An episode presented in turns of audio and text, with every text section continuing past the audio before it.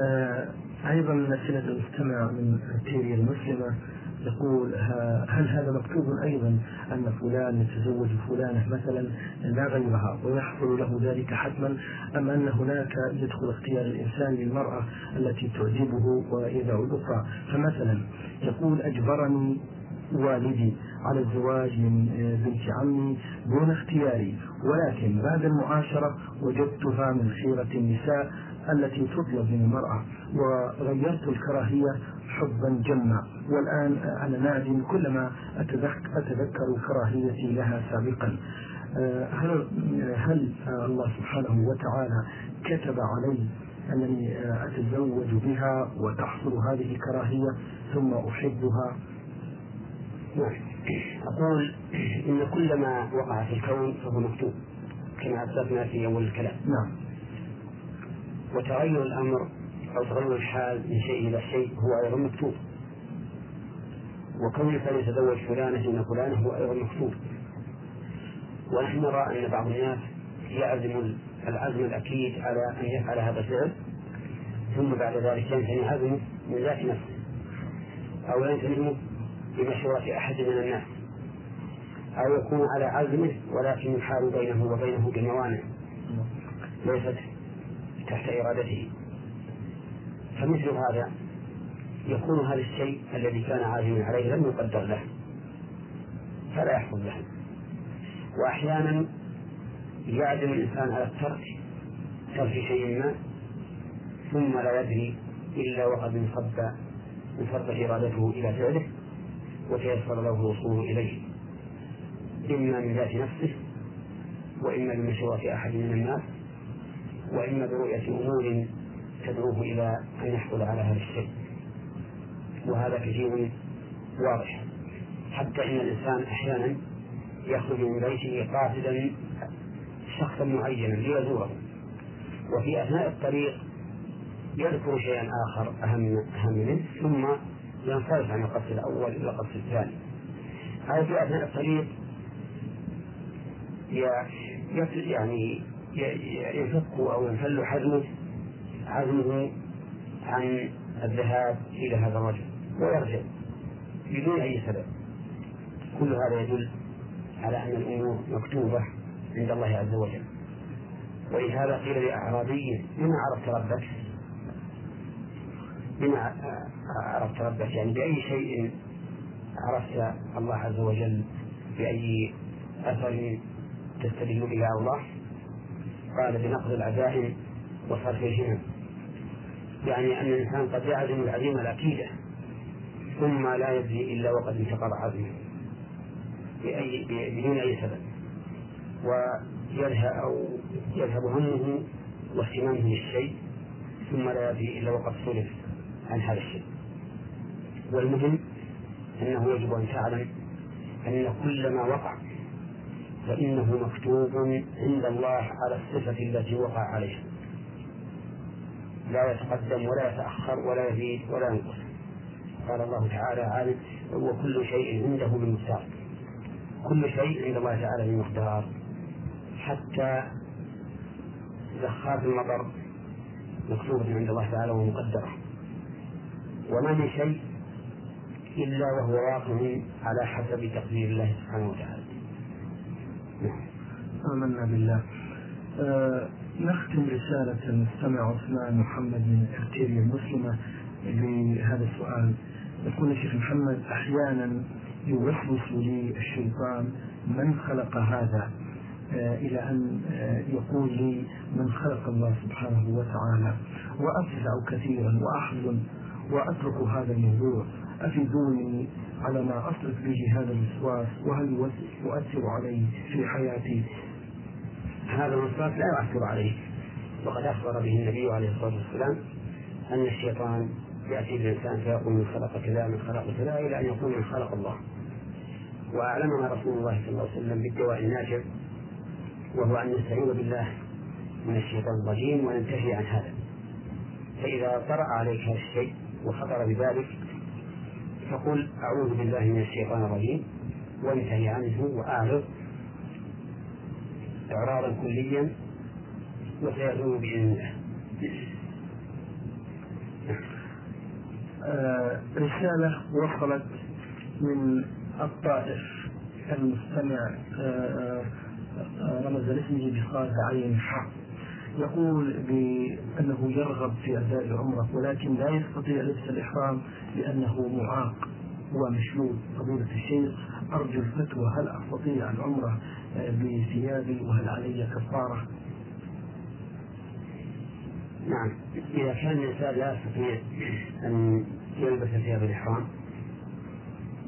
فإنه يلبس ما يقوى عليه من اللباس الآخر وعليه عند أهل العلم إما أن يذبح شاة يفرقها على الفقراء أو يطعم ستة مساكين لكل مسكين نصف صاع أو يصوم ثلاثة أيام هكذا قال أهل العلم قياسا على ما جاء في حلق شعر الرأس حيث قال الله تعالى ولا تحلقوا رؤوسكم حتى يبلغ الهدي محله فمن كان منكم مريضا أو به أذى من رأسه ففدية من صيام أو صدقة أو نسك. رسالة وصلت إلى البرنامج من الجمهورية العراقية محافظة جاخوك المستمع رمز لاسمه بجيم حاء يقول في رسالته هل المأمون يقرأ الفاتحة أم يمسك ويسمع القرآن؟ كما قال الله تعالى في كتابه العزيز وإذا قرئ القرآن فاستمعوا له وأنصتوا لعلكم ترحمون. وقول الرسول صلى الله عليه وسلم إذا كبر الإمام فكبروا وإذا قرأ فأنصتوا صححه مسلم. وعلى هذا يحمل الحديث من كان له إمام فقراءة الإمام له قراءة أي أن قراءة الإمام له قراءة في الصلاة الجهرية. نرجو من فضيلتكم تبيين هذا للإخوة المستمعين. هذه المسألة وهي قراءة المأمون خلف الإمام مختلف فيها عند أهل العلم والراجح عندي فيها ما ذهب إليه الشافعي رحمه الله. وجماعة من أن قراءة الفاتحة لا بد منها على كل مأمون في الصلاة السرية والجهرية. لعموم قول النبي صلى الله عليه وسلم لا صلاة لمن لم يقرأ بفاتحة الكتاب. متفق عليه من حديث عبادة بن الصامت. وفي صحيح مسلم عن أبي هريرة رضي الله عنه أن النبي صلى الله عليه وسلم قال كل صلاة لا يقرا فيها بالكتاب فهي خداج فهي خداج فهي خداج اي فاسده وهذا من الصانع عاما لم يستثني النبي صلى الله عليه وسلم منهما شيئا. إلا أن أصحاب السنن أخرجوا من حديث عبادة بن الصامت أن النبي صلى الله عليه وسلم صلى بأصحابه صلاة الصبح. فلما انصرف قال لعلكم تقرؤون خلف إمامكم قالوا نعم. قال لا تفعلوا إلا بأم القرآن فإنه لا صلاة لمن لم يقرأ بها. وهذا يدل على أن قراءة الفاتحة واجبة حتى في الصلاة الجهرية. وهو القول الراجح عندي. فأما قوله تعالى وإذا قرئ القرآن فاستمعوا له وأنصتوا لعلكم ترحمون فهو عام.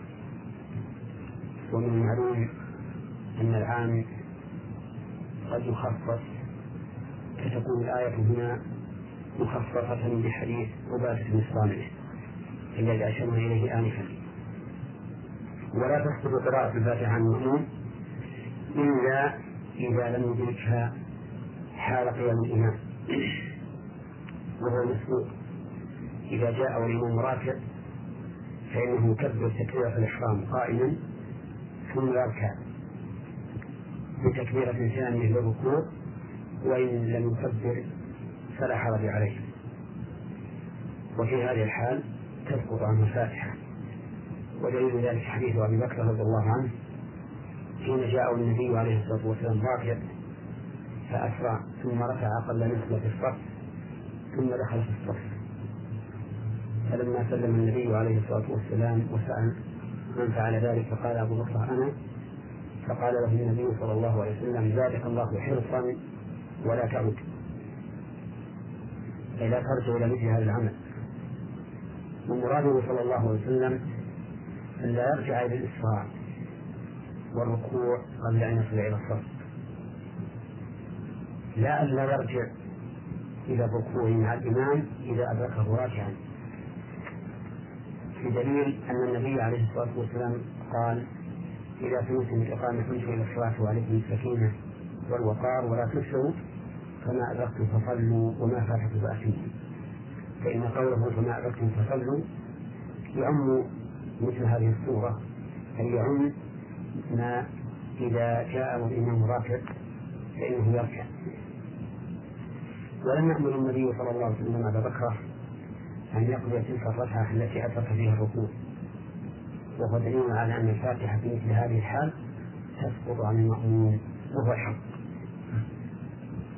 وعلى هذا فنقول إن قراءة الفاتحة واجبة على كل مصلي إماما كان أو مأموما أو منفردا وفي الصلاة الجهرية والسرية إلا إذا أدرك الإمام راكعا أو أدركه قائما لكن لم يتم الفاتحة حتى ركع الإمام وخاف أن يفوته الركوع ففي هذه الحال أيضا تسقط عنه نعم.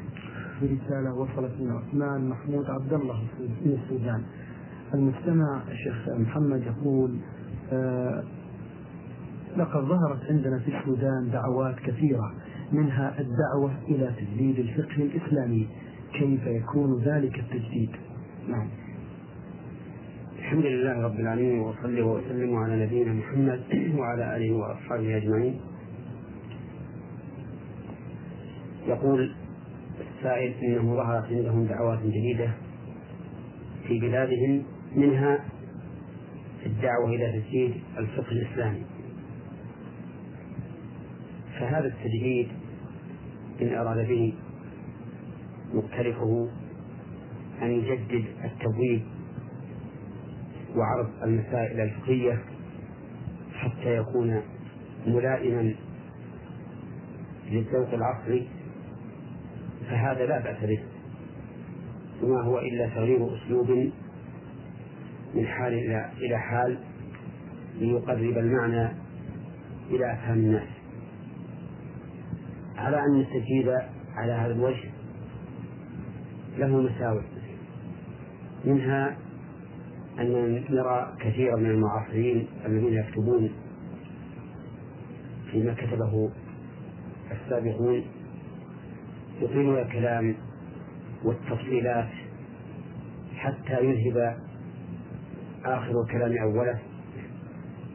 ويضيع الإنسان بين هذه التقسيمات وبين الكلام الذي يعتبر حشوا وهذه سيئة عظيمة.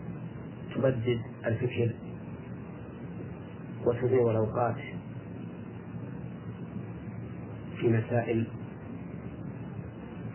قد يدركها الإنسان بنصف الوقت الذي يمضيه في قراءة هذه الكتب الجديدة. ولا أقول إن هذا وصف لكل كتاب جديد بل في كثير من الكتب المصنفة الجديدة ما يكون على هذا النمط. وإن أراد مقتدح وإن أراد مقترح تجديد الفقه أن يغير بهذا التجديد ما دلت النصوص على حكمه فإن هذا مبدأ خطير مبدأ باطل. لا يجوز للإنسان أن يغير شيئا من أحكام الله عز وجل. فإن أحكام الله تعالى باقية ما بقي هذا الدين. وهذا الدين سيبقى إلى يوم القيامة. وقول النبي صلى الله عليه وسلم لا تزال طائفة من أمتي على الحق ظاهرين لا يضرهم من خذلهم ولا من خالفهم حتى يأتي أمر الله. فهذا هو رأينا نحو هذا الاقتراح الذي اقترحه هذا المقترح. من تجديد علم الفقه. بارك الله فيكم.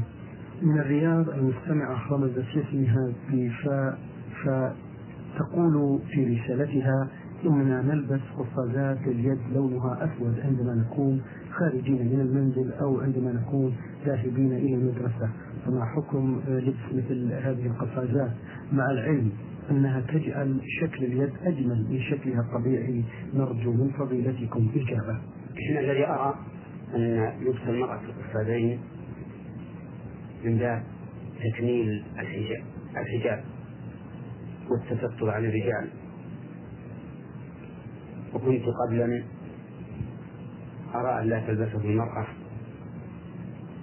لأنه يكون لباس شهرة ويوجب لك النظر إليها. أما الآن وقد كثر والحمد لله من يلبسه من النساء. فإني أرى أن لبسه من تمام التستر وموجبات الحياة وقد كان نساء الصحابة في عهد النبي صلى الله عليه وسلم يلبسن ذلك أي يلبسن القفازين كما يدل عليه قول النبي عليه الصلاة والسلام في محرمة لا تنتقد ولا تلبس القفازين فإن هذا يدل على أن من عادتهم لباس ذلك. ولا شك أنه أثر أنه أثر باليد وأبعد عن الفتنة سواء كان أسود أو أحمر أو أخضر. والسواد في رأيي هو اللون المناسب لأنه يكون أقرب إلى موافقة لون العباءة والخمار فيكون أولى من الألوان الأخرى أولى من لون البياض ومن لون الحمرة والخضرة وما أشبه ذلك. فلتسر نساؤنا على هذا وليحتجبن الحجاب الذي يبعدهن عن الفتنة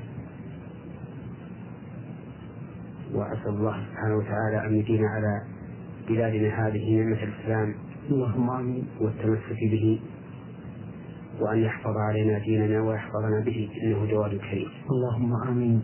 جزاكم الله عنا وعن المسلمين خير الجزاء. آه، من السودان إسحاق إبراهيم يقول ما حكم الشرع في نظركم في رجل طلق زوجته وبعد سبعة أشهر ظهر الحمل؟ ما الحكم الشرعي في هذا؟ الحكم الشرعي في هذا فيما أرى أنه إذا كانت قد حارت بعد طلاقه ثلاث حيض فإن هذا الولد لا يلحقه لأنها قد أتمت العدة وبانت منه. وهذا حمل جديد. أما إذا كانت بعد الطلاق لم تحض حتى ظهر عليها الحمل فإنها تكون في عدته حتى تضع حملها. لأن الظاهر أن هذا الحمل له لكن تأخر ظهوره لسبب من الأسباب. قد يكون لعلة في أمه أو لعلة في نفس الجنين فما دامت لم تحض منذ طلاقها إلى أن ظهر حملها بعد سبعة أشهر فإن الحمل لها. وقد ذكر العلماء رحمهم الله أن الحمل قد يبقى في بطن الأم لمدة أربع سنين وبعضهم يرى أنه قد يبقى أكثر من أربع سنين. فما دمنا نتيقن أن هذه المرأة لم توطأ فإن الحمل قد يبقى في بطنها أكثر من أربع سنين. وينسب إلى من هي حل له من زوج أو سيد. بارك الله فيكم. رسالة وصلت من أمة الله عائشة عبد الفتاح. الحقيقة الرسالة طويلة والمستمعة كتبت بأسلوب طيب آه، وترجو أن نعرض هذه الرسالة على فضيلة الشيخ محمد. تقول في رسالتها السلام عليكم ورحمة الله وبركاته. وعليكم السلام ورحمة الله وبركاته. نحن نعلم أن الله سبحانه وتعالى لا يرضى بأن يغير الإنسان من خلقته وأن الشيطان نعوذ بالله من شره قال إنه سيأمر بني آدم بأن يغيروا من خلق الله. وأن النبي صلى الله عليه وسلم قد روي عنه أنه لعن النامصات والمتنمصات والواشرات والمستوشرات والفالجات والمتفلجات والواصلات والمستوصلات. وفي نهاية الحديث قال عليه الصلاة والسلام المغيرات من خلق الله وكأن علة اللعن هي تغييرهن بخلق الله. وأعلم أن هناك أنواعا من التغيير محمودة ومحسوس عليها. وهي التي من الفطرة وأذكر منها الختان وقص الشارب وحلق العانة ونتف الإبط وقص الأظافر وأنه رخص لنا في تركها أربعين يوما. فهناك تغييرات وهناك تغييرات منصوص على كراهيتها بدليل اللعن عليها. وهناك تغييرات منصوص على استحبابها والحث عليها إذ هي من الفطرة. بقيت أمور اشتبهت علي أمرها وأقصد. إزالة الشعر الزائد في الذراعين والرجلين. فترى هل تعتبر إزالته من التغيير بعامة في خلق الله وبالتالي ينبغي عدم إزالته؟ أو مثلا نعتبره من الأمور المشتبهات التي لا يظهر تحريمها ولا إباحتها وبالتالي لا نزيله أيضا استبراء لديننا. أم نعتبر أنها من الأمور التي سكت عنها النبي صلى الله عليه وسلم فتكون لنا عافية ورخصة فنزيله أم يوجد نص آخر لم أعثر عليه يصرح بالنهي أو الإباحة ولماذا لا نعتبر هذا الأمر من المشتبهات ولماذا لا نعتبره من الأمور التي عليها؟ وقد سمعت أن هناك رأي أنه يمكن إزالة ذلك الشعر بالقص أو الحلق حتى لا نقع في التغيير بالنسب لكنني أريد معرفة ذلك بالدليل. هذا السؤال في الحقيقة يتضمن الجواب. لأن أحدا لو أراد أن يجيب بأكثر من هذه الاحتمالات التي ذكرتها السائلة لم يستطع أن يظهر. فتغيير الخلق منه ما هو مأمور به كسنن الفطرة ومنها ما هو منهي عنه. كالنمط وتفييد الأسنان والوشم وما أشبهه ومنها ما هو مسكوت عنه. كشعر الساقين والذراعين والكفين والقدمين وما أشبه ذلك هذا المسكوت عنه. فيه هذه الاحتمالات التي ذكرتها السائلة. هل نقول إنه لا يزال لأن إزالته تغيير لخلق الله والأصل في التغيير التحريم لأنه من أوامر الشيطان فالواجب الكف عنه وتركه.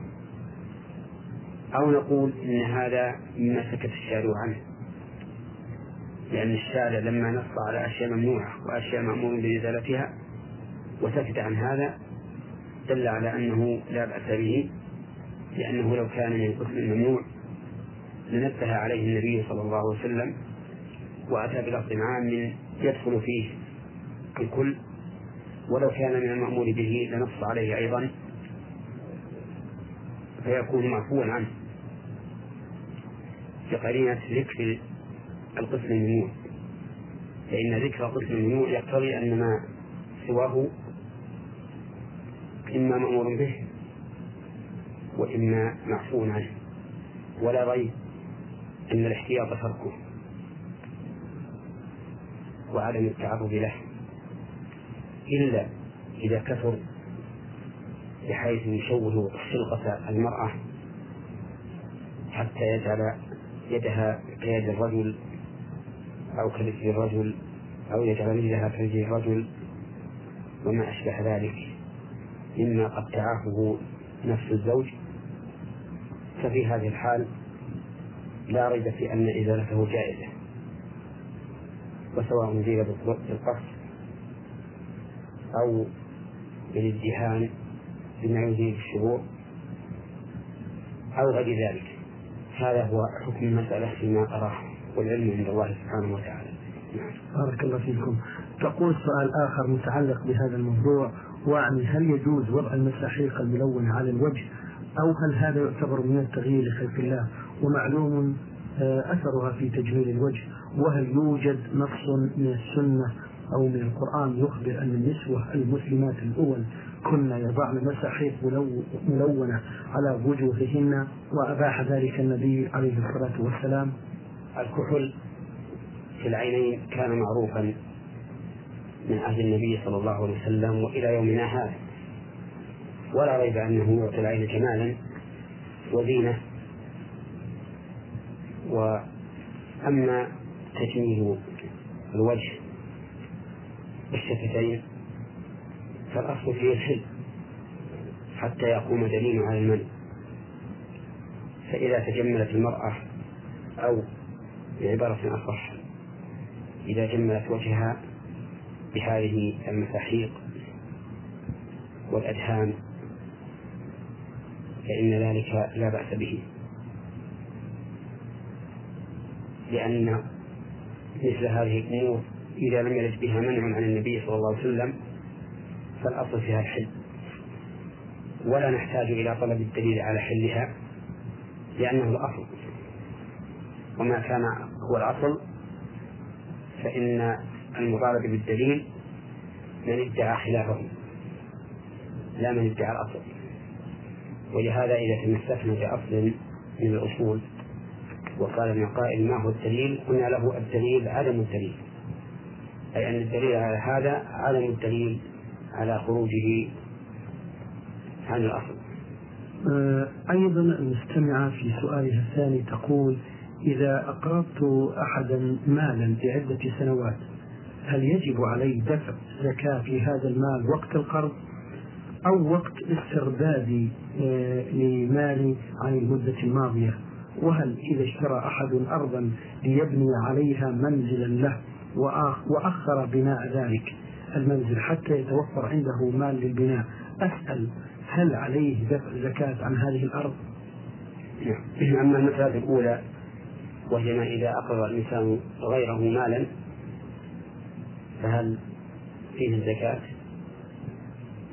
فالجواب إذا كان هذا المال الذي أقرضه إياه مما لا تجب الزكاة في عينه فلا زكاة عليه فيه. كما لو أقرضه طعاما من البر أو الرز أو التمر أو ما أشبه ذلك فإن هذا لا زكاة عليه فيه إلا زكاة في عينه. وأما إذا أقرضه دراهم سواء كانت نقودا من الذهب والفضة أو كانت أوراقا من هذه الأوراق المبنية فلا يخلو المقترض من إحدى حالين إما أن يكون غنيا وإما أن يكون فقيرا. فإن كان غنيا فعلى مقرضه زكاة المال الذي أقرضه وقت وجوب زكاته. وإن كان فقيرا فإنه لا زكاة عليه ولو بقي عنده سنوات.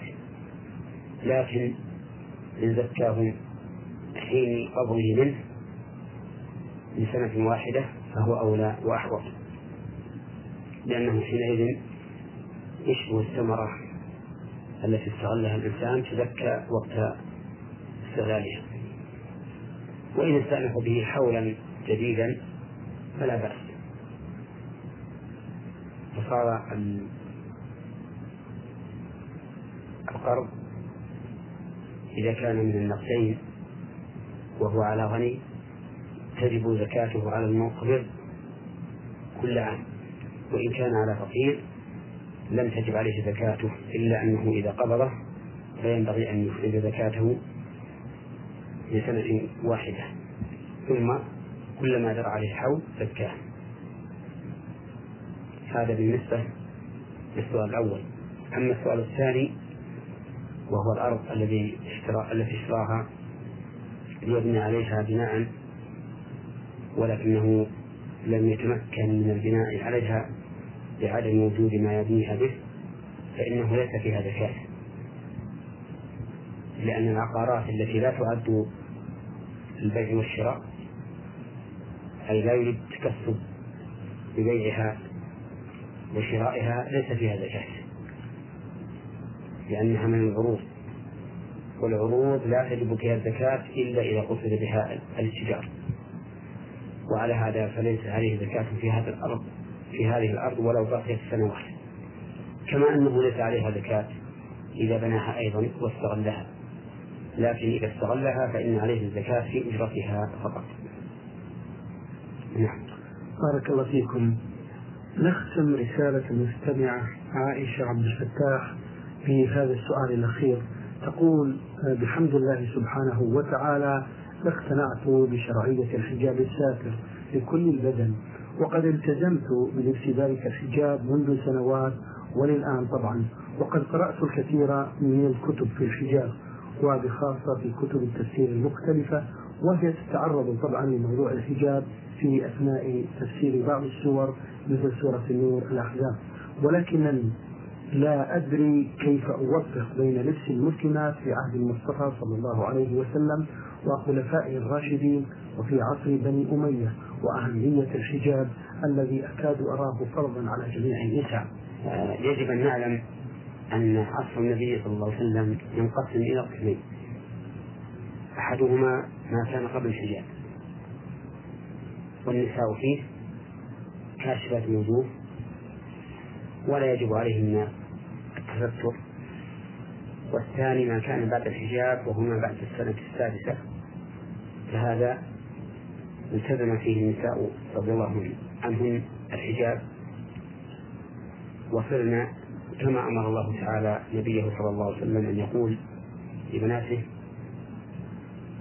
ونساء المؤمنين وأزواجه يدين عليهن من جلابيبهن فصرنا رضي الله عنهن يلبسن أكسية سودا ولا يدين إلا عين واحدة ينظر مدح الطريق. وما زال الناس والحمد لله في بلادنا هذه على هذه الطريقة التي هي مقتضى دلالة الكتاب والسنة والاعتبار والنظر الصحيح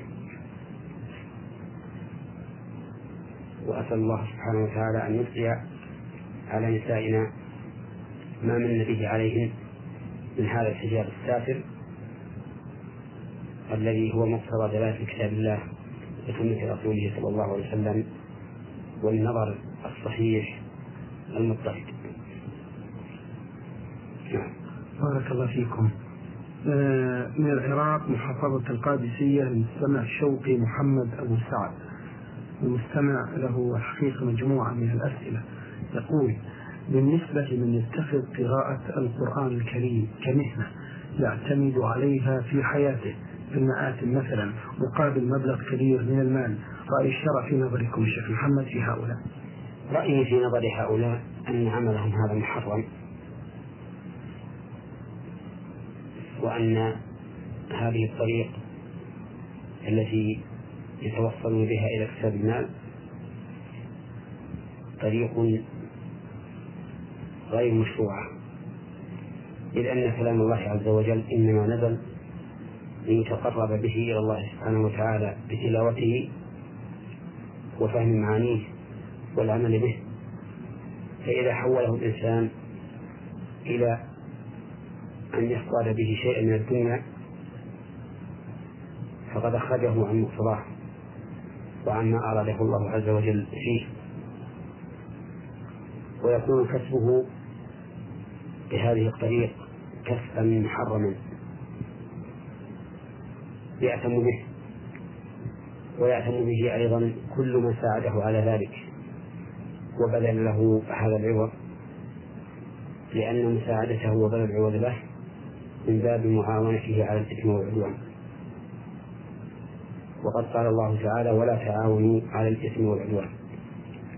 وليعلم أن هؤلاء المستأجرين الذين يستأجرون عند موت الأموات ليقرأوا لهم شيئا من القرآن أو يقرأوا كل القرآن ليعلم أن هؤلاء ليس لهم أجر. يصل إلى الميت لأن عملهم حابط.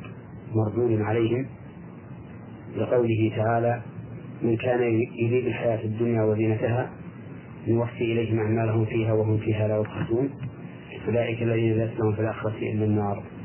وحبط ما صنعوا فيها وباطل ما كانوا يعملون. ولقول النبي صلى الله عليه وسلم من كانت هجرته لدنيا يصيبها أو امرأة يتزوجها فهجرته إلى ما هجر إليه. فهذا القارئ لم ينل لم ينل من قراءته أجرا. سوى ما أخذه من حطام الدنيا وما أخذه من حطام الدنيا لا يصل إلى الميت ولا ينتفع به الميت. وعلى هذا فيكون في ذلك خسارة على أهل الميت خسارة دنيوية لإضاعة هذا المال الذي صرفوه إلى هذا القارئ المبتلي في قراءته وخسارة أخروية لأنهم أعانوا هذا الآثم على إثمه. فشاركوه في ذلك. فعلى إخوة المسلمين أن يتوبوا إلى الله عز وجل من هذه الأعمال وأن يسلكوا عند المصائب ما سلكه رسول الله صلى الله عليه وسلم وأرشد أمته إليه من الصبر والتحمل وأن يقول الإنسان عند مصيبته إنا لله وإنا إليه راجعون. اللهم أجرني في مصيبتي وأخلف لي خيرا منها. حتى يدخل في قوله تعالى وبشر الصابرين الذين إذا أصابتهم مصيبة قالوا إنا لله وإنا إليه راجعون. أولئك عليهم صلوات من ربهم ورحمة وأولئك هم المهتدون. ومن قال هذا بصدق ورجاء ثواب واحتساب من الله عز وجل فإنه يوشك أن يخلف الله عليه. خيرا من مصيبته. برسالة المستمع الشيخ محمد أبو سعد وقد عرضنا بعضا من أسئلته في حلقة ماضية يقول أرجو من فضيلة الشيخ توجيه كلمة لأولئك الذين يعتقدون بأن إقامة المآتم شيء ضروري ومهم بالنسبة للميت مع العلم بأن هذا الشيء يأخذ مجال التسابق في من يأتي بقارئ أحسن ويأخذ مال أكثر نرجو بهذا نصيحة.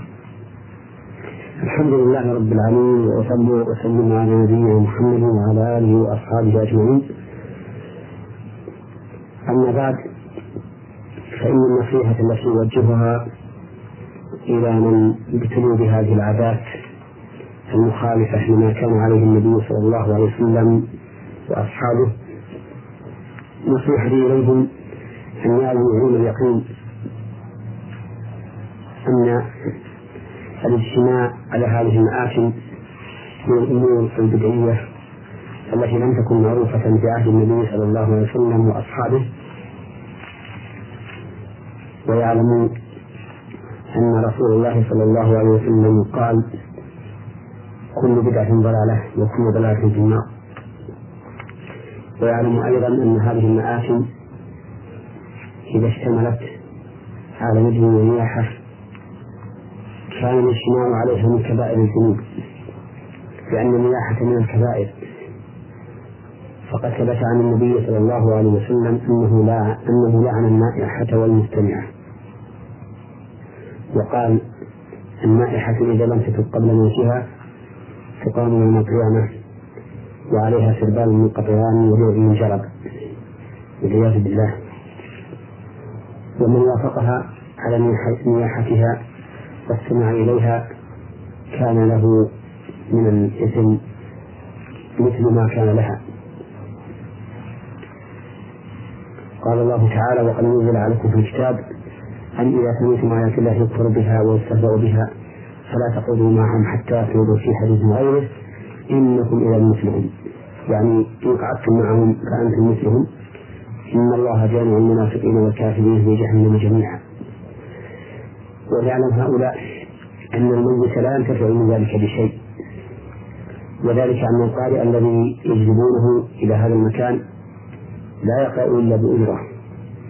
وإذا كان لا يقرأ إلا بأجرة فإنه لا أجر له من ثواب الآخرة حيث أراد بعمله هذا الدنيا. وما أراد بعمله الدنيا لم يكن له من ثوابه إلا ما إلا ما حصله في دنياه وما حصله في دنياه لا يصل إلى الميت يقول الله تعالى إن كانوا من الحياة الدنيا وزينتها يوفي إليهم أعمالهم فيها وهم فيها لا يبخسون. أولئك الذين ليس لهم في الآخرة إلا النار. وحبط ما صنعوا فيها وباطل ما كانوا يعملون. وقال النبي صلى الله عليه وسلم من كانت هجرته إلى الله إلى الله ورسوله فهجرته إلى الله ورسوله. ومن كانت هجرته لدنيا يصيبها أو امرأة يتزوجها فهجرته إلى ما هاجر إليه. وعلى هذا فإن هذا العمل ليس فيه إلا إضاعة الوقت وإضاعة المال واكتساب الآثام. فنصيحتي إلى الذين أصيبوا بمصيبة ميتهم أن يفعلوا ما أرشد الله إليه ورسوله. في قوله تعالى وبشر الصابرين الذين إذا أصابتهم مصيبة قالوا إنا لله وإنا إليه راجعون. فيقول إنا لله وإنا إليه راجعون. ويقول اللهم أجرني في مصيبتي وأخلف لي خيرا منها. فإنه إذا قال ذلك آجره الله في مصيبته وأخلف له خيرا منها. وليصبر وليحتسب على ما مرض مرارة الصبر على هذه المصيبة فإن الله يقول اصبروا إن الله مع الصابرين ويقول جل ذكره إنما يوفى الصابرون أجرهم بغير حساب بارك الله فيكم. المستمع عبد الرحيم مكي يقول آه، له سؤال. آه، يقول اثنان من المصلين. أسرع لأداء صلاة الظهر فأدرك ثلاث ركعات. وحصل حدث للإمام وهم جماعة عددهم أربعة والخامس الإمام. فأخذ واحد من المتأخرين فكيف تتم الصلاة؟ وأته ناقصة وزميله أيضا صلاته ناقصة. يرجو إفادة. إذا حصل للإمام حدث في أثناء الصلاة فإنه يجب عليه أن ينصرف ولا يحل له إتمام الصلاة وهو محدث وإن كان بعض الناس يغلب عليه الحياء والخجل فيبقى يصلي بالناس وهو محدث وهذا من التلاعب بدين الله عز وجل وهو عمل محرم. فالواجب على من أصابه حدث في أثناء صلاته أن ينصرف منها ويأمر أحد من خلفه إذا قام إمامهم أو إذا قام الخليفة إلى قضاء إلى إكمال صلاته فإنهم لا يتابعونه في هذه الحال لأنهم قد أتموا صلاتهم ولكنهم يجلسون ينتظرونه ويسلمون معه. هذا هو حكم المسألة. نعم. بارك الله فيكم شيخ محمد. الحقيقة أمامي رسالة ألحها مستمع أو مرسل لهذه الرسالة بأن أعرضها على فضيلتكم. آه، يقول الشيخ محمد هناك ممن ينتسبون إلى العلم يفتي بدون دليل. الحقيقة المستمع من جمهورية مصر العربية رمز لاسمه بميم لام ميم. يقول هناك ممن ينتسبون إلى العلم يفتي بدون دليل فإن طولب بالدليل غضب وثار وقال هل أفني عمري في البحث عن الأدلة؟ ومن العجب أنه علم تلاميذه ومريديه عبارة غريبة فحواها بأن العالم لا يسأل عن الدليل. ما الحكم في مقولة هذا الذي ينتسب إلى العلم آه، وما الحكم أيضا في فتواه بدون دليل غضبه من طلب الدليل وما الحكم في مقولة تلاميذه ومريديه من أن العالم لا يسأل عن الدليل. ثم ما الحكم استفتاء من حاله كهذا؟ أفيدونا في هذا الأمر الخطير. جزاكم الله عنا خير الجزاء. على أن تكون الإجابة مشفوعة بالأدلة. الحقيقة أن ما ذكره السائل قد يوجد من بعض الناس ولا سيما من كان أكثر همه أن يكون ذا جاه بين العامة. فإن من الناس من يفتي سواء كانت فتواه مستندة إلى دليل أم كانت فتواه مجرد تقليد لمن يعظمه من العلماء السابقين أو اللاحقين. وقد ذكر ابن عبد البر رحمه الله إجماع العلماء على أن المقلد لا يعد من من العلماء لأن المقلد ليس إلا نسخة كتاب من مذهب من يقلده. وليس من العلماء في شيء. ولهذا أرى أن التقليد لا يجوز إلا عند الضرورة. وقد شبه الشيخ الإسلام ابن رحمه الله التقليد بأكل الميتة. يجوز عند الضرورة. وأما مع القدرة على الدليل فإن التقليد لا يجوز. وهذا مفهوم من قوله تعالى فاسألوا أهل الذكر إن كنتم لا تعلمون. أما حال هذا الرجل الذي إذا طلب منه الدليل خرج وقال كيف أفني عمري بطلب الدليل فإن هذا يدل على جهله وعلى جهالته أيضا لأن الإنسان العالم ينبغي له أن يفرح إذا طلب منه السائل الدليل. لأن طلب السائل للدليل إذا لم يكن المقصود به الإعنات والإشقاق يدل على محبة هذا السائل لكونه يبني عقيدته أو قوله أو عمله على أساس من كتاب الله وسنة رسوله صلى الله عليه وسلم ليعبد الله تعالى على بصيرة. فإن الحقيقة أن العلم معرفة الهدى بدليله. والإنسان سوف يسأل يوم القيامة ماذا أجاب المرسلين؟ كما قال الله تعالى ويوم يناديهم فيقول ماذا أجبتم المرسلين؟ وليس يقال له ماذا أجبت فلانا أو فلانا من الناس سوى الرسل عليهم الصلاة والسلام. ونصيحتي لهذا العالم أن يتقي الله تعالى في نفسه وأن لا يفتي إلا بدليل من الكتاب والسنة. اللهم إلا عند الضرورة. وأن يحرص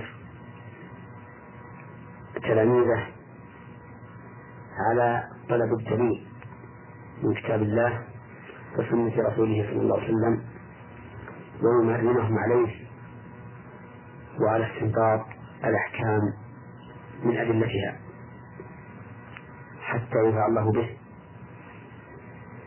ونحن جربنا بأنفسنا فأحيانا تمر بنا المسألة نطلبها فيما عندنا من كتب أهل العلم فلا نجد لها حكما. ثم إذا رجعنا إلى كتاب الله وسنة رسوله صلى الله عليه وسلم وجدناها قريبة يتناولها اللفظ بعمومه أو بمفهومه أو بإشارته أو بلازمه. أو غير ذلك من أنواع الدلالة المعروفة إما في القرآن وإما في السنة.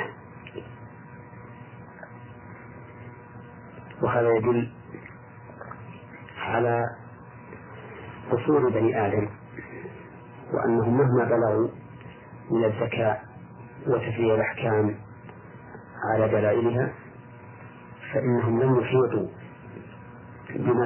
بما تتطلبه أحوال الخلق وما يجري عليهم.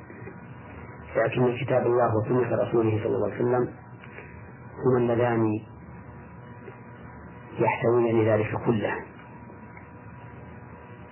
ولكن هذا أيضا يعتمد على قوة فهم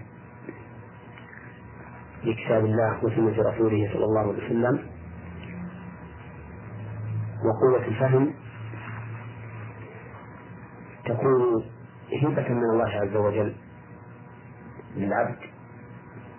إما تفضلا منه وإما بهداية الله له بممارسة الكتاب والسنة والتأمل فيهما والنظر في دلالتهما. ولهذا فإني أحث إخواني ولا سيما طلبة العلم أن يكون مرجعهم دائما إلى كتاب الله وسنة رسوله صلى الله عليه وسلم وأن يستعينوا على فهمهما واستنباط الأحكام منهما بما كتبه أهل العلم.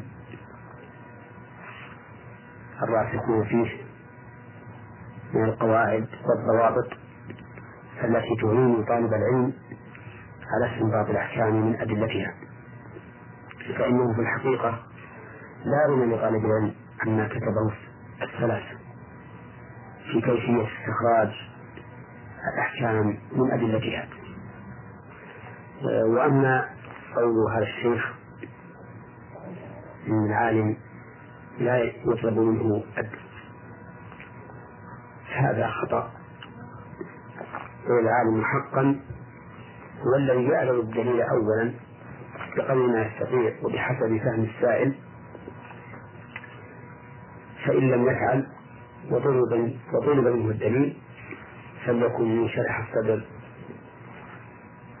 من شرح الصدر في سؤال أو في طلب الدليل. ويأتي بالدليل. وكما أسلفت آنفا أن تمرين الطلبة على استخراج الأحكام من أدلتها من كتاب الله وسنة رسوله صلى الله عليه وسلم وفي الحقيقة من أكبر الوسائل التي تعين على انتشار الأحكام واستخراج أحكام المسائل الجديدة التي لم تكن معروفة في سلفنا الصالح. نعم. بارك الله فيكم شيخ محمد. آه نستمع أيضا الذي رمز لاسمه بميم لام ميم في مصر يقول عندنا في مصر يقولون لمن يخرج من الخلاء شفيتم. فيقول لهم شفاكم الله وعافاكم. فهل في ذلك حرج؟ أم أن ذلك يعد من البدع؟ وإن كان من البدع فنرجو الدليل. وما الذي يفعله المصلي إذا فرغ من قراءة الفاتحة خلف الإمام في الصلاة الجهرية ولم يبدأ الإمام في قراءة السورة؟ هل يسكت؟ أم يعيد قراءة الفاتحة مرة أخرى أم يبدأ في قراءة السورة؟ أما المسألة الأولى وهي أنهم إذا خرج الخارج من قضاء حاجته قالوا له شفاك الله فإن هذا لا أصل له. ولم يكن السلف الصالح يفعلون ذلك وهم خير قدوة لنا. والإنسان مشروع له إذا أراد دخول الخلاء ليقضي حاجته من بول أو غائط أن يقدم رجله اليسرى ويقول عند الدخول بسم الله أعوذ بالله من الخبث والخبائث.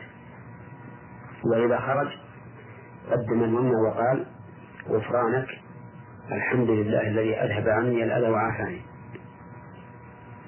وإن اقتصر على قول غفرانك فحسن أما هذا الدعاء الذي أشار إليه السائل فلا أصل له ولا ينبغي أن يتخذه الناس عادة. لأن مثل هذه الأمور إذا اتخذت عادة صارت سنة وظنها الناس مشروعة وهي ليست مشروعة. وأما المسألة الثانية وهي إذا سكت الإمام بعد قراءة الفاتحة ثم قرأها المأمون قبل أن يشرع الإمام بقراءة السورة. فماذا يسمع المأمون بعد قراءته الفاتحة والإمام لم يزل على سكوته فالجواب على ذلك أننا نقول للإمام أولا لا ينبغي لك أن تسكت هذا السكوت الطويل بين قراءة الفاتحة وبقراءة ما بعدها. والمشروع لك أن تسكت سكتة لطيفة بين الفاتحة والسورة التي بعدها ليتميز بذلك القراءة المفروضة والقراءة المستحبة. والمأمون يشرع في هذه السكتة اللطيفة بقراءة الفاتحة. ويتم قراءة الفاتحة ولو كان الإمام يقرأ. وأما السكوت الطويل من الإمام فإن ذلك خلاف السنة.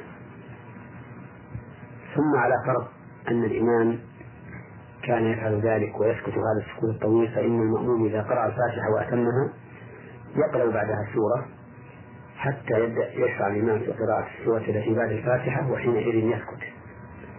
لأنه لا يجوز للمأموم أن يقرأ والإمام يقرأ إلا قراءة الفاتحة فقط. نعم. بارك الله فيكم. نختم رسالة المستمع من جمهورية مصر العربية والذي رمز لاسمه بيمين لا ميم. يقول فضيلة الشيخ نود أن تعطونا نبذة عن خلق الملائكة. وهل تأتي على صورة حيوان ما صحة ذلك؟ نعم. الملائكة عالم الغيب خلقهم الله سبحانه وتعالى من نور وكلفهم بما شاء من العبادات والأوامر واصطفى منهم رسلا كما قال تعالى الله يصطفي من الملائكة رسلا ومن الناس فمنهم الرسل الموكلون بالوحي كجبريل عليه الصلاة والسلام ومنهم الرسل الموكلون بقبض أرواح بني آدم كما قال الله تعالى حتى إذا جاء أحدهم الموت توفته رسلنا وهم لا يفرطون ومنهم الكتبة الذين يكتبون أعمال بني آدم ومنهم الحفظة الذين يحفظونهم من أمر الله ومنهم السياحون الذين يسيحون في الأرض يلتمسون حلق الذكر إلى غير ذلك مما جاء في الكتاب والسنة من أعمالهم ووظائفهم. وأما أوصافهم فقد ثبت عن النبي صلى الله عليه وسلم أنه رأى جبريل وله ستمائة جناح قد سد الأفق. ولكن مع هذا له القدرة بإذن الله عز وجل أن يكون على صورة إنسان. كما جاء جبريل إلى النبي عليه الصلاة والسلام على صورة رجل شديد الثياب شديد سواد الشعر. لا يرى عليه أثر السفر ولا يعرفه أحد من الصحابة. فجلس إلى النبي صلى الله عليه وسلم وأسند ركبتيه إلى ركبتيه ورأى تصوى على فخذيه وسأل النبي صلى الله عليه وسلم عن الإسلام والإيمان والإحسان وأشراط الساعة وعن الساعة وأشراطها. وكما جاء إليه بصورة دحية الكلب وكما أخبرنا النبي عليه الصلاة والسلام في قصة الثلاثة من بني إسرائيل الأبرص والأقرع والأعمى وأن الملك جاء إلى كل واحد منهم وسأله عن أحب ما يكون إليه. ثم بعد أن أنعم وثم بعد أن أنعم الله عليهم بإزالة العيوب وبالمال عاد إليهم الملك بصورة كل واحد منهم قبل أن يزول عنه العيب. ويحصل له الغنى والقصة معروفة مشهورة. ثم أن الملائكة عليهم الصلاة والسلام لهم قدرة عظيمة وصورة عظيمة في الطيران. والوصول إلى الغايات. ألم تر إلى قول سليمان عليه الصلاة والسلام يا أيها الملأ أيكم يأتيني بعرشها قبل أن يكون المسلمين أي عرش بلقيس وهو السرير الذي تجلس عليه وهو عرش عظيم. قال عفريت من الجن أنا آتيك به قبل أن تقوم من مقامك؟ وإني عليه لقوي أمين قال الذي عنده علم الكتاب أنا آتيك به قبل أن يرتد إليك طرفك. قال أهل العلم إن هذا الرجل دعا الله عز وجل فحملت الملائكة العرش حتى وضعته عند سليمان عليه الصلاة والسلام. ثم ألم ترى إلى الإنسان يموت فتقبض الملائكة روحه وتفعل بها إلى الله عز وجل. إذا كان مؤمنا إلى ما فوق السماوات وتعاد إليه روحه إذا دفن في قبره. وكل هذا يدل على أن الملائكة عليهم الصلاة والسلام لهم قوة عظيمة وسرعة عظيمة. ومن أراد أن يقف على شيء من من أوصافهم وأحوالهم فليرجع إلى الكتب المصنفة في ذلك ومنها كتاب البداية والنهاية لابن كثير رحمه الله. نعم. بارك الله فيكم. آه هذه رسالة وصلت من آه جمهورية مصر العربية المستمع آه أخوكم في الله آه بكر عبد الحليم مصري يقول في رسالته هل يلزم الاستنجاء عند كل وضوء أم عند الحدث الأصغر فقط؟ الاستنجاء هو تطهير المحل القبل أو الدبر من التلوث بالنجاسة التي حصلت فإذا تطهر الإنسان من هذه النجاسة فقد طهر المحل. ولا حاجة إلى إعادة غسله مرة ثانية إلا إذا حصل بول أو غائط من جديد. وعلى هذا فلو أن الإنسان قضى حاجته بعد طلوع الشمس ثم استنجى أو استجمر استجمارا شرعيا ثم حان وقت صلاة الظهر. فتوضأ من من غير أن يغسل فرجه. كان ذلك جائزا وكان عملا صحيحا. لأن الله عز وجل يقول يا أيها الذين آمنوا إذا قمتم إلى الصلاة فاغسلوا وجوهكم وأيديكم إلى المرافق وامسحوا برؤوسكم ورسولكم إلى الكعبين. ولم يذكر الله سبحانه وتعالى غسل الفرج. فدل هذا على أن الوضوء يختص بهذه الأعضاء الأربع فقط. الوجه واليدان والرأس والرجلان.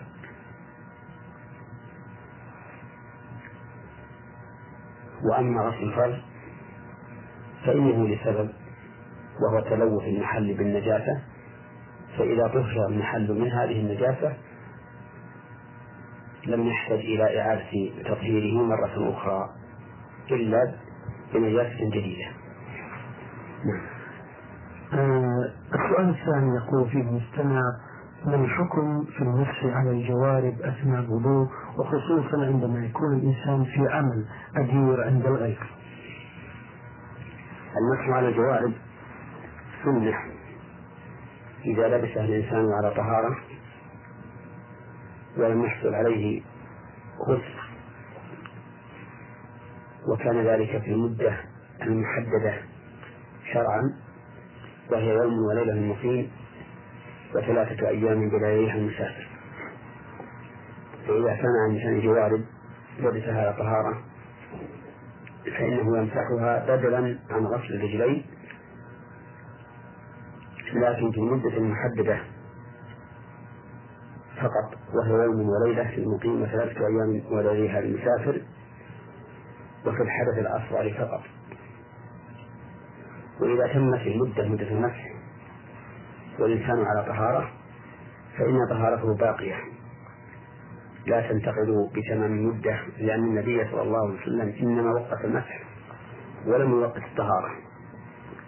لكنه لا يمسح بعد تمام المدة لأن ما خرج عن الحد الشرعي فهو مردود على فاعله. قال النبي عليه الصلاة والسلام من عمل عملا ليس عليه أمرنا فهو رد. هذا مستمع يسأل عن قوله تعالى أعوذ بالله من الشيطان الرجيم. وما محمد إلا رسول قد خلت من قبله الرسل. أفإن مات أو قتل انقلبتم على أعقابكم ومن ينقلب على عقبيه فلن يضر الله شيئا وسيجزي الله الشاكرين. الحمد لله رب العالمين وصلي وسلم على نبينا محمد وعلى آله وأصحابه أجمعين. يقول الله تعالى في هذه الآية الكريمة مبينا حال رسول الله صلى الله عليه وسلم أنه عليه الصلاة والسلام رسول قد خلت من قبله الرسل. أي مضت من قبله الرسل فبلغوا الرسالة ثم كان مآلهم إلى الفناء لأن كل من عليها فان ويبقى وجه ربك ذو الجلال والإكرام. قد خلت من قبل الرسل ومضت في إبلاغ دعوتها إلى الله عز دعوتها إلى الله عز وجل. ثم ماتوا كسائر البشر. ثم ينكر الله عز وجل على من تغيرت حاله لو مات النبي صلى الله عليه وسلم أو قتل. فيقول أفإن مات أو قتل انقلبتم على أعقابكم؟ أي ارتدتم عن الإسلام إلى الكفر إلى الوراء بعد أن تقدمتم إلى الإسلام. ومن ينقلب على عقبيه فيكفر بعد ردته فإنه لن يرضى الله شيئا. لأن الله سبحانه وتعالى غني عن عباده ولم يأمرهم سبحانه وتعالى بعبادته إلا لمصلحتهم. لا لمصلحته هو أو منفعته فإنهم لم يبلغوا ضره فيضرونه. فيضروه فإنهم لم يبلغوا ضره فيضروه ولم يبلغوا نفعه فينفعوه. قال الله تعالى ولله على الناس حج البيت من استطاع إليه سبيلا ومن كفر فإن الله غني عن العالمين. فمن انقلب على عقبيه بعد إسلامه فإنه لن يضر الله شيئا وإنما يضر نفسه. وسيجزي الله الشاكرين أي القائمين بطاعته الذين قاموا بحقيقة الشكر لأن حقيقة الشكر هو القيام بطاعة المنعم. حيثما تعلقت في القلب أو باللسان أو بالجوارح. وهذه الآية نزلت حين صاح الشيطان في المسلمين في غزوة أحد أن النبي صلى الله عليه وسلم قتل فضعفت نفوس بعض المسلمين من أجل هذه الشائعة الكاذبة الخاطئة فأنزل الله تعالى هذه الآية إشارة إلى أنه يجب على المسلمين وإن مات نبيهم أو قتل أن يذوبوا عن شريعته وعن سنته في حياته وبعد مماته. وفي هذه الآية دليل على أن الكفر هو التأخر والرجعية والانقلاب على العقد. وأما الإسلام فإنه التقدم والمضي إلى الأمام فيما ينفع الإنسان في دينه ودنياه. ويشهد لهذا قوله تعالى أفمن يمشي مكبا على وجهه أهدى أم من يمشي سويا على صراط مستقيم. وبهذا عرف سبب نزول هذه الآية الكريمة وعرف المراد بها وأن الواجب على المسلمين أن يكونوا منتصرين لدينهم سواء كان ذلك في حياة نبيهم أو بعد مماته صلوات الله وسلامه عليه. آه الآية الثانية أعوذ بالله من الشيطان الرجيم. وقالوا لجلودهم لم شهدتم علينا؟ قالوا أنطقنا الله الذي أنطق كل شيء. نعم. هذه الآية نزلت للكافرين أعداء الله عز وجل الذين قال الله عنهم ويوم ينشر أعداء الله إلى النار فهم يوزعون حتى إذا ما جاءوها شهد عليهم سمعهم وأبصارهم وجلودهم بما كانوا يعملون. فأعداء الله وهم الكفار وهم أعداء للمسلمين أيضا كما قال الله تعالى يا أيها الذين آمنوا لا تتخذوا عدوي وعدوكم أولياء تلقون إليهم بمودة وقد كفروا بما جاءكم من الحق. وقال عز وجل والذين كفروا بعضهم أولياء بعض. وقال عز وجل يا أيها الذين آمنوا لا تتخذوا اليهود والنصارى أولياء بعضهم أولياء بعض. ومن يتولهم منكم فإنه منهم. إن الله لا يهدي القوم الظالمين. فأعداء الله تعالى أعداء لكل عباده المؤمنين في كل زمان ومكان. فالله تعالى يذكر عباده بهذه الحال العظيمة حتى يكونوا من أولياء الله ويبتعدوا عن عداء الله عز وجل وعن أعدائه أيضا. يقول عز وجل ويوم يحشر أعداء الله إلى النار فهم يوزعون أي يساقون إليها. ويحبس أولهم على آخرهم يساقون إلى جهنم وردا والعياذ بالله فإذا جاءوها شهد عليهم سمعهم وأبصارهم يقول حتى إذا ما جاءوها ما هذه زائدة للتوكيد. وكلما جاءت ما بعد إذا فهي زائدة. كما قيل يا طالبا خذ فائدة ما بعد إذا زائدة. حتى إذا ما جاءوها أي إذا جاءوها شهد عليهم سمعهم وأبصارهم وجنودهم بما كانوا يعملون. فيشهد السمع على صاحبه بما سمع من الأقوال المحرمة المنكر التي استمع إليها صاحبها صاحب هذا السمع وركن, وركن إليها وقام بموجبها وأبصارهم بما شاهدوا من الأمور المنكرة التي أقروها ورضوا بها.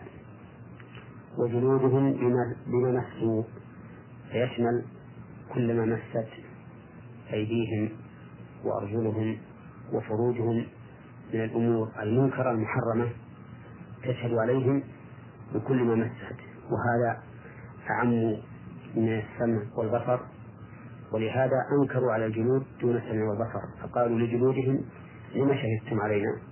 قالوا أنطقنا الله الذي أنطق كل شيء. وهو خلقكم أول مرة وإليه ترجعون. وما كنتم تستترون أن يشهد عليكم سمعكم ولا أبصاركم ولا جنودكم.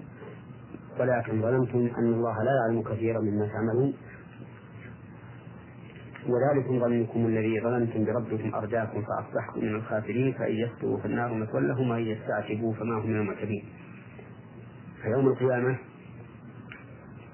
يختم على الألسن وتكلم الجوارح قال الله تعالى اليوم نختم على أفواههم وتكلمنا أيديهم وتشهد أرجلهم بما كانوا يكسبون. فتشهد الجنود بكل ما مست من أمر محرم وكذلك السمع والبصر وحينئذ لا يبقى للإنسان عذر بل يكون مقرا رغم أنفه بما جرى منه. من الكفر والمعاصي نسأل الله العافية. من السودان مستمع يسأل عن قوله تعالى أعوذ بالله من الشيطان الرجيم ويسألونك عن ذي القرنين قل سأتلو عليكم منه ذكرا. قوله تعالى ويسألونك عن القرنين. السائل هنا قريش.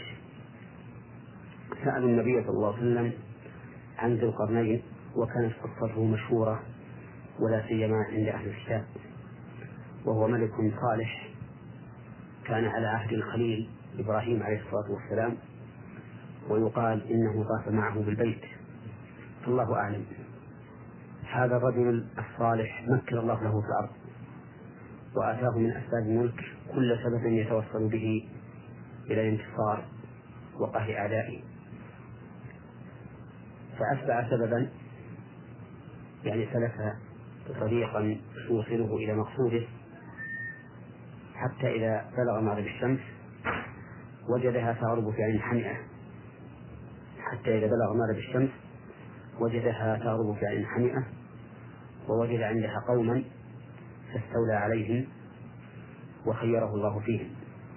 قلنا يا ذا القرنين إما أن تعذب وإما أن تتخذ فيهم حسنا فحكم بينهم بالعدل. قال أما من ظلم فسوف نعذبه ثم يرد إلى ربه فيعذبه عذابا نكرا. وأما من آمن وعمل صالحا فسنقول له جزاء الحسنى وسنقول له من أمرنا يسرا. ثم مضى. متجها نحو مطلع الشمس. حتى إذا بلغ مطلع الشمس وجهها تطلع على قوم ليس لهم ستر يحول بينهم وبين حرها. ليس عندهم بناء ولا أشجار وإنما يعيشون في النهار في السرادب والكهوف ثم في الليل يخرجون يلتمسون العيش. وكان الله عز وجل في جميع أحوال هذا الرجل عالما به يسير بعلم من الله عز وجل وهداية كما قال تعالى وقد أحطنا بما لديه خبرا ثم مضى حتى إذا بلغ بين السدين وجد من من دهنيهما قوما لا يكادون يفقهون قولا لأنهم كانوا أعاجم لا تفهم لغتهم ولا يفهمون لغة غيرهم. ولكنهم اشتكوا إلى هذا الملك الصالح إلى ذو القرنين بأن يأجوج ومأجوج مفسدون في الأرض. وهما أمتان من بني آدم كما ثبت ذلك في الحديث الصحيح. وتذكر روايات وأخبار إسرائيلية في هذين في هاتين الأمتين أعني في يجوج وماجوج كلها لا لا أصل لها من الصحة وإنما يأجوج ومأجوج من بني آدم وعلى شكل بني آدم كما جاء في الحديث الصحيح أن رسول الله صلى الله عليه وسلم قال يقول الله تعالى يعني يوم القيامة يا آدم فيقول لبيك وسعديك فيقول أخرج من ذريتك بعثا إلى النار. قال يا رب وما بعث النار؟ قال من كل ألف تسعمائة وتسعة وتسعون. كلهم في النار إلا واحدا من الألف. فكبر ذلك على الصحابة. وقالوا يا رسول الله أينا ذلك الواحد؟ فقال النبي عليه الصلاة والسلام أبشروا فإنكم في أمتين ما كانتا في شيء إلا كسرتا يأجوج يأجوج ومأجوج. وهذا دليل واضح وصريح على أنهم أعني يأجوج ومأجوج من بني آدم. فيكون شكلهم وأحوالهم كأحوال بني آدم تماما. لكنهم قوم طبعوا والعياذ بالله على فساد في الأرض. وتدمير مصالح الخلق. وقتلهم وغير ذلك مما يكون فسادا في أرض الله عز وجل. فقالوا له هل نجعل لك خرجا؟ أي مالا؟ على أن تجعل بيننا وبينهم سدا. فأخبرهم بأن الله سبحانه وتعالى أعطاه من الملك والتمكين ما هو خير من المال الذي يعطونه إياه. قال ما مكنني فيه ربي خير. فأعينوني بقوة أي بقوة عملية من مال وأدوات وما أشبه ذلك. أجعل بينكم وبينهم ردما ثم طلب منهم زبر الحديد أي قطع الحديد. فصف بعضها على بعض حتى بلغت رؤوس الجبلين. آتوني زبر الحديد حتى إذا ساوى بين الصدفين قال انفخوا. فأوقدوا عليه النار ونفخوها حتى صار الحديد نارا يلتهب فأفرغ عليه قطرا أي نحاسا مجازا حتى تماسك تماسكت هذه القطعة من الحديد وصار وصار جدارا حديديا صلبا. ما استطاعوا أن يظهروه يعني يصعدوا فوقه وما استطاعوا له نقبا أي أن ينقلوه من أسفل. فكان ردما بين يأجوج ومأجوج وبين هؤلاء القوم. وقصته معروفة مشهورة ذكرها الله تعالى في سورة الكهف في آخرها.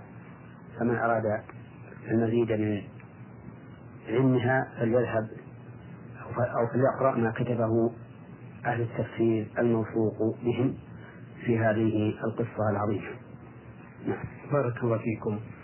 آه أيضا يسأل عن الآية الكريمة. أعوذ بالله من الشيطان الرجيم. حتى إذا أخذت الأرض زخرفها وزينت. نعم. هذه الآية جزء من آية كريمة ذكرها الله تعالى عز وجل في سورة يونس في قوله إنما مثل الحياة الدنيا كماء أنزلناه من السماء فاختلط به نبات الأرض مما يأكل الناس والأنعام حتى إذا أخذت الأرض زخرفها وزينت وظن أهلها أنهم قادرون عليها أتاها أمرنا ليلا أو نهارا فجعلناها حصيدا كأن لم تعن بالأمس كذلك نفصل الآيات لقوم يتفكرون. والله يدعو إلى دار السلام ويهدي من يشاء إلى صراط مستقيم. ففي هذه الآية الكريمة يضرب الله مثل مثل الدنيا وما فيها من الزخارف والزهوة والزينة وغيرها. يضرب الله بماء أنزله من السماء إلى أرض يابسة حاملة فاختلط به نبات الأرض. أي أنبتت هذه الأرض من كل زوج بهيج ومن كل صنف واختلط النبات بعضه ببعض لوفرته ونموه مما يأكل الناس والأنعام. أي من طعام الآدميين وطعام البهائم والثمار التي يأكلها الآدميون والزروع وهكذا حتى أصبحت بهجة للناظرين. ولما أخذت الأرض زخرفها وزينت وطاب طابت ثمارها ونضجت وظن أهلها أنهم قادرون عليها وأنهم سوف يجنونها عن قرب. وبكل سوء أتاها أمر الله تعالى إما ليلا وإما نهارا رياح عاصفة أو ثلوج أو صواعق أو غير ذلك مما أهلكها ودمرها فكانت حصيدا كأن لم تعمل بالأمس أي كأن لم تكن موجودة على ذلك الوجه البهيج الذي يسر الناظر أصبحت حصيدا هامدة. فهكذا الحياة الدنيا تزهو لصاحبها وتتطور ويصبح صاحبها كأنه لن يموت وكأنه سيبقى فيها بما حصل له من الغرور في هذه الدنيا ثم بعد ذلك يفجأه الموت. فإذا هو ذاهب وإذا المال مباشر الورثة وكل ما كان كأن لم يكن. والله عز وجل إنما ضرب هذا المثل لئلا نغتر بالدنيا لأجل أن نحترز منها ومن غرورها وأن لا نقدمها على الآخرة لأنها ثانية زائلة لا خير فيها إلا ما كان عونا على طاعة الله سبحانه وتعالى. ولهذا عاقب ذلك المثل بقوله والله يدعو إلى دار السلام أي إلى الجنة التي هي دار السلام السالمة من كل نقص وتنغيص وفيها ما لا عين رأت ولا أذن سمعت ولا خطر على قلب بشر وفيها النعيم المقيم التي من دخلها ينعم ولا يبأس ويصح ولا يمرض ويحيا ولا يموت وهم في سرور دائم وفي نعيم مقيم. فانظر أيها الإنسان وقارن بين دار السلام السالم من كل آفة وبين الدنيا التي مهما تطورت وازدهرت وازدانت فإنها عند التمام يكون الفناء. واعتبر يا أخي ببقائك في هذه الدنيا فإن عمل الآخرة أقل وأهون وأكثر فائدة ونتيجة من عمل الدنيا. وأنا أضرب لك مثلا واحدا يكفيك عن غيره من الأمثال أنفقت درهما في سبيل الله درهم واحد في سبيل الله عز وجل. ابتغاء مرضاته. هذا الدرهم يضاعف إلى عشرة أمثاله إلى سبعمائة ضعف إلى أضعاف كثيرة. الدرهم يكون عشرة. العشرة تكون إلى سبعمائة إلى أضعاف كثيرة. لا يحصيها إلا الله عز وجل. وأنت لم تعمل عملا شاقا. غاية ما هنالك أنك أوصلت هذا الدرهم إلى مستحق. ابتغاء وجه الله. لكن انظر إلى الدنيا. تذهب تجوب الفيافي وتضرب الأخطار. من أجل أن تربح خمسة دراهم بالعشرة أو أقل من خمسة دراهم بالعشرة مع المشقة والعناء. وربما لا تربح أيضا. فأي العملين أهون؟ وأي العمل أكثر فائدة؟ وأعظم نتيجة وأضمن وأسلم. أعتقد أن الجواب هو أن عمل الآخرة أهون وأسهل وأعظم نتيجة وأوثق. كذلك تصلي في بيتك يكتب لك أجر. تصلي في المسجد يضاعف لك الأجر. فصلاة الجماعة أفضل من صلاة الفجر ب 27 درجة. عمل يسير وبر كثير. الناس الآن لو قيل لهم إنكم تربحون الواحد بخمسة لذهب الإنسان إلى بلاد بعيدة من أجل هذا الربح القليل الذي قد يكون مضمون وقد يكون غير مضمون. لكنه لا يذهب إلى المسجد إلا من هدى الله عز وجل مع أن الربح مضمون وكثير. وبهذا يتبين حكمة في قوله تعالى والله يدعو إلى دار السلام ويهدي من يشاء إلى صراط مستقيم بعد ذكر مثل الحياة الدنيا وما تؤول إليه. وتأمل قوله تعالى والله يدعو إلى دار السلام حيث عمم في الدعوة لأن الله تعالى يدعو كل أحد إلى دار السلام ولكنه بهداية قال ويهدي من يشاء إلى صراط مستقيم. فليس كل من سمع دعوة الله أجاب الدعوة ولكن يجيبها من وفقه الله عز وجل وهداه. إلى صراط مستقيم. اللهم نسألك أن تهدينا وإخواننا المسلمين صراطك المستقيم. اللهم آمين. جزاكم الله عنا وعن المسلمين خير الجزاء. آه، أيضا آه، يسأل عن الآية الأخيرة وأعوذ بالله من الشيطان الرجيم. ومنهم أميون لا يعلمون الكتاب إلا أمانية وإن هم إلا يظنون.